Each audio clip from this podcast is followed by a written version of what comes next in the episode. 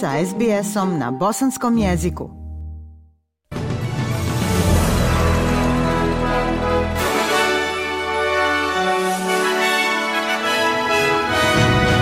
U današnjim vijestima poslušajte, najveće australske kompanije otkrile razliku u platama između muškaraca i žena. Policija Novog Južnog Velsa kaže da se potraga za nestalim parom nastavlja. I u sportu u drugom kolu kvalifikacija za Eurobasket, košarkaška reprezentacija Bosne i Hercegovine poražena od Francuske. Slušate vijesti SBS-a na bosanskom. 90% poslodavaca u industriji rudarstva, električne energije, vode i otpada, financijskih usluga ima rodnu razliku u platama koja favorizira muškarce. Agencija za rodnu ravnopravnost na radnom mjestu objavila je medijan rodnih razlika u platama za skoro 5000 australskih poslodavaca. Polovina ima jaz veći od 9,1%, dok je nacionalni prosjek više od 20%, što je ekvivalentno da žene zarađuju manje od muškaraca preko 26.000 dolara godišnje. Studija je također otkrila vezu između većeg broja žena na rukovodećim pozicijama i nižih razlika u platama, dok su poslodavci sa rodnom ravnotežom u rukovodećim ulogama imali 50% veću vjerovatnoću da će imati neutralan jaz u platama. Savezna senator direktorica laburista Melandiri Mekati rekla je za Kanal 9 da izvještaj donosi prijeko potrebnu transparentnost o tome šta žene mogu i trebaju zaraditi. Uh, Žene širom zemlje i poslodavci generalno moći će pratiti svoj napredak u tom području i mislim da je ovo kuda idemo kao nacija. Borba da žene dobiju poštovanje na radnom mjestu, ali svakako i u njihovim platama. Bivši premijer Scott Morrison oprostio se danas od Saveznog parlamenta završnim govorom prije povlačenja iz politike. Gospodin Morrison tako završava 16 godišnje karijeru u parlamentu. On je u januaru najavio da će se u februaru povući iz politike radi posla u korporativnom sektoru. Premijer Anthony Albanizi rekao je za ABC da će prisustvovati parlamentu na govoru gospodina Morrisona. He had the great honor Imao je veliku čast da bude 30. premijer Australije. To je težak posao i ja svakako poštujem tu funkciju. Lično želim njemu i njegovoj porodici sve najbolje.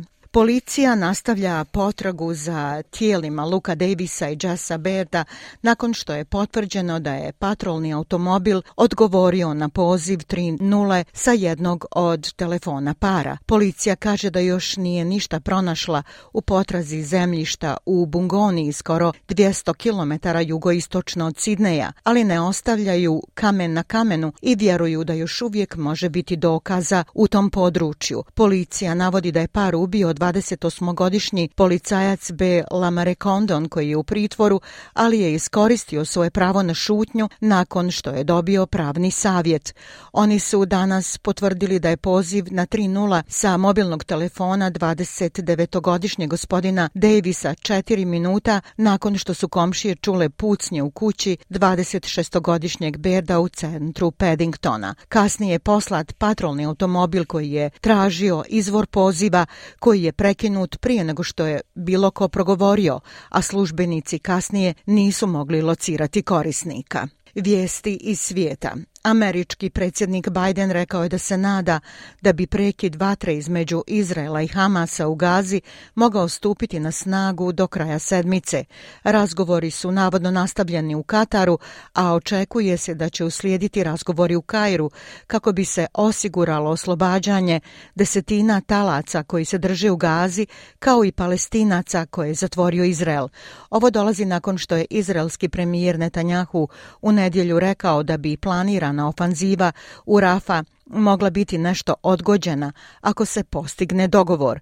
Gospodin Biden je rekao novinarima tokom političke posjete New Yorku da se nada da će primirje biti uspostavljeno do 4. marta. Well, I hope by the beginning of the weekend. Nadam se do početka vikenda ili do kraja vikenda. Moj savjetnik za nacionalnu sigurnost kaže da su blizu. Još nisu gotovi, ali se nadam do sljedećeg ponedjeljka da ćemo imati primirje.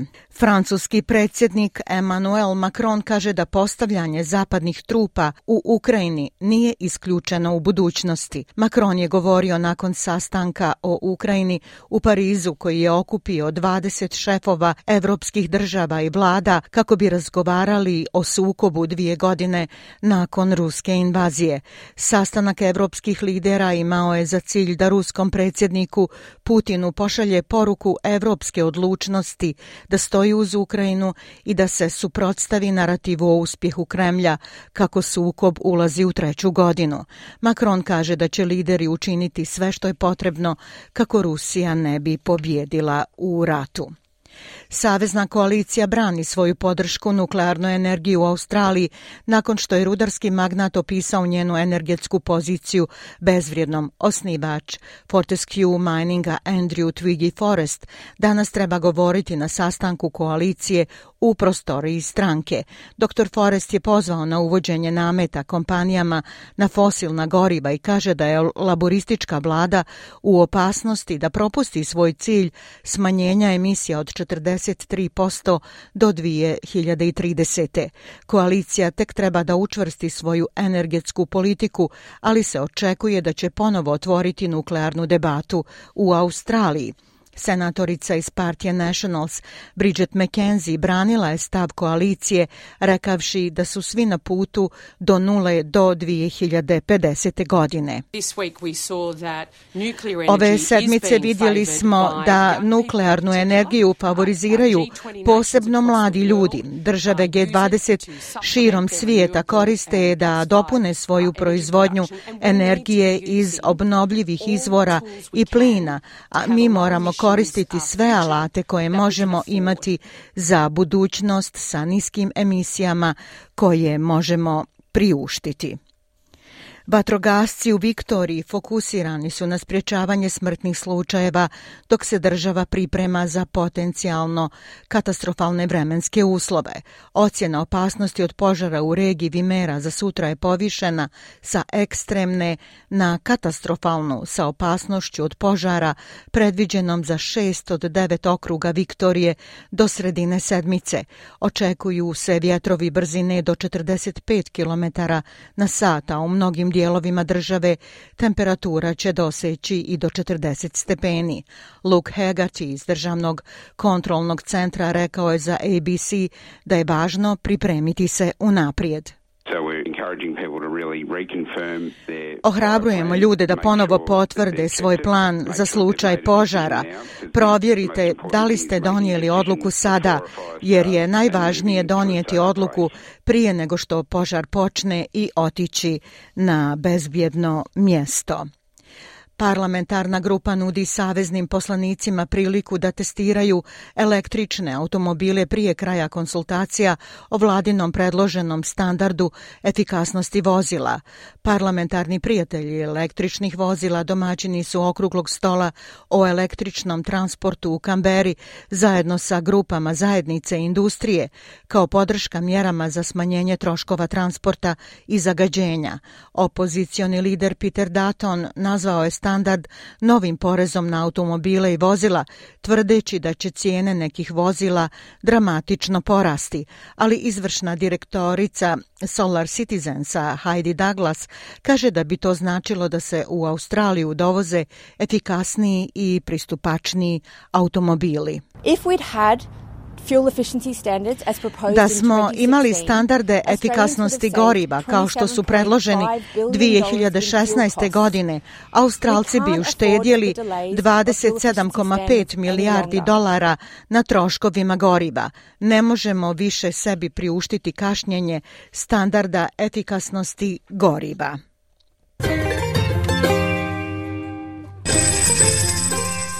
Prema kursnoj listi australski dolar danas vrijedi 0,65 američkog dolara, 0,60 eura, 0,52 britanske funte te 1,18 bosanske konvertibilne marke.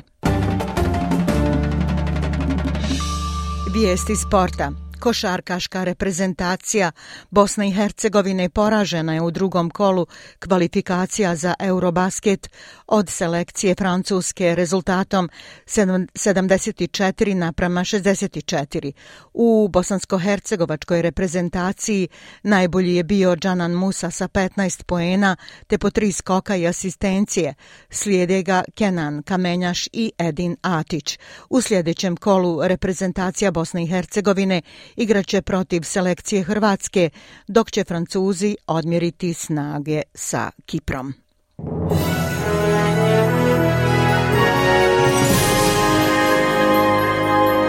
I za kraj vijesti poslušajte temperaturne vrijednosti za veće gradove u Australiji.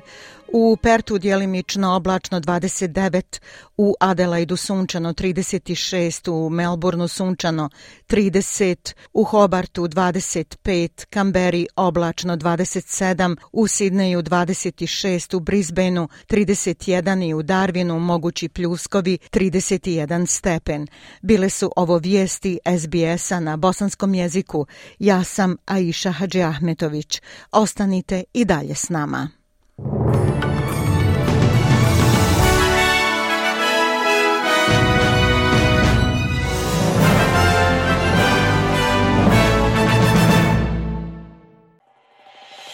SBS na bosanskom. Podijelite naše priče preko Facebooka. Želite poslušati još ovakvih priča? Slušajte preko Apple podcasta, Google podcasta, Spotify ili kako god da primate svoje podcastove.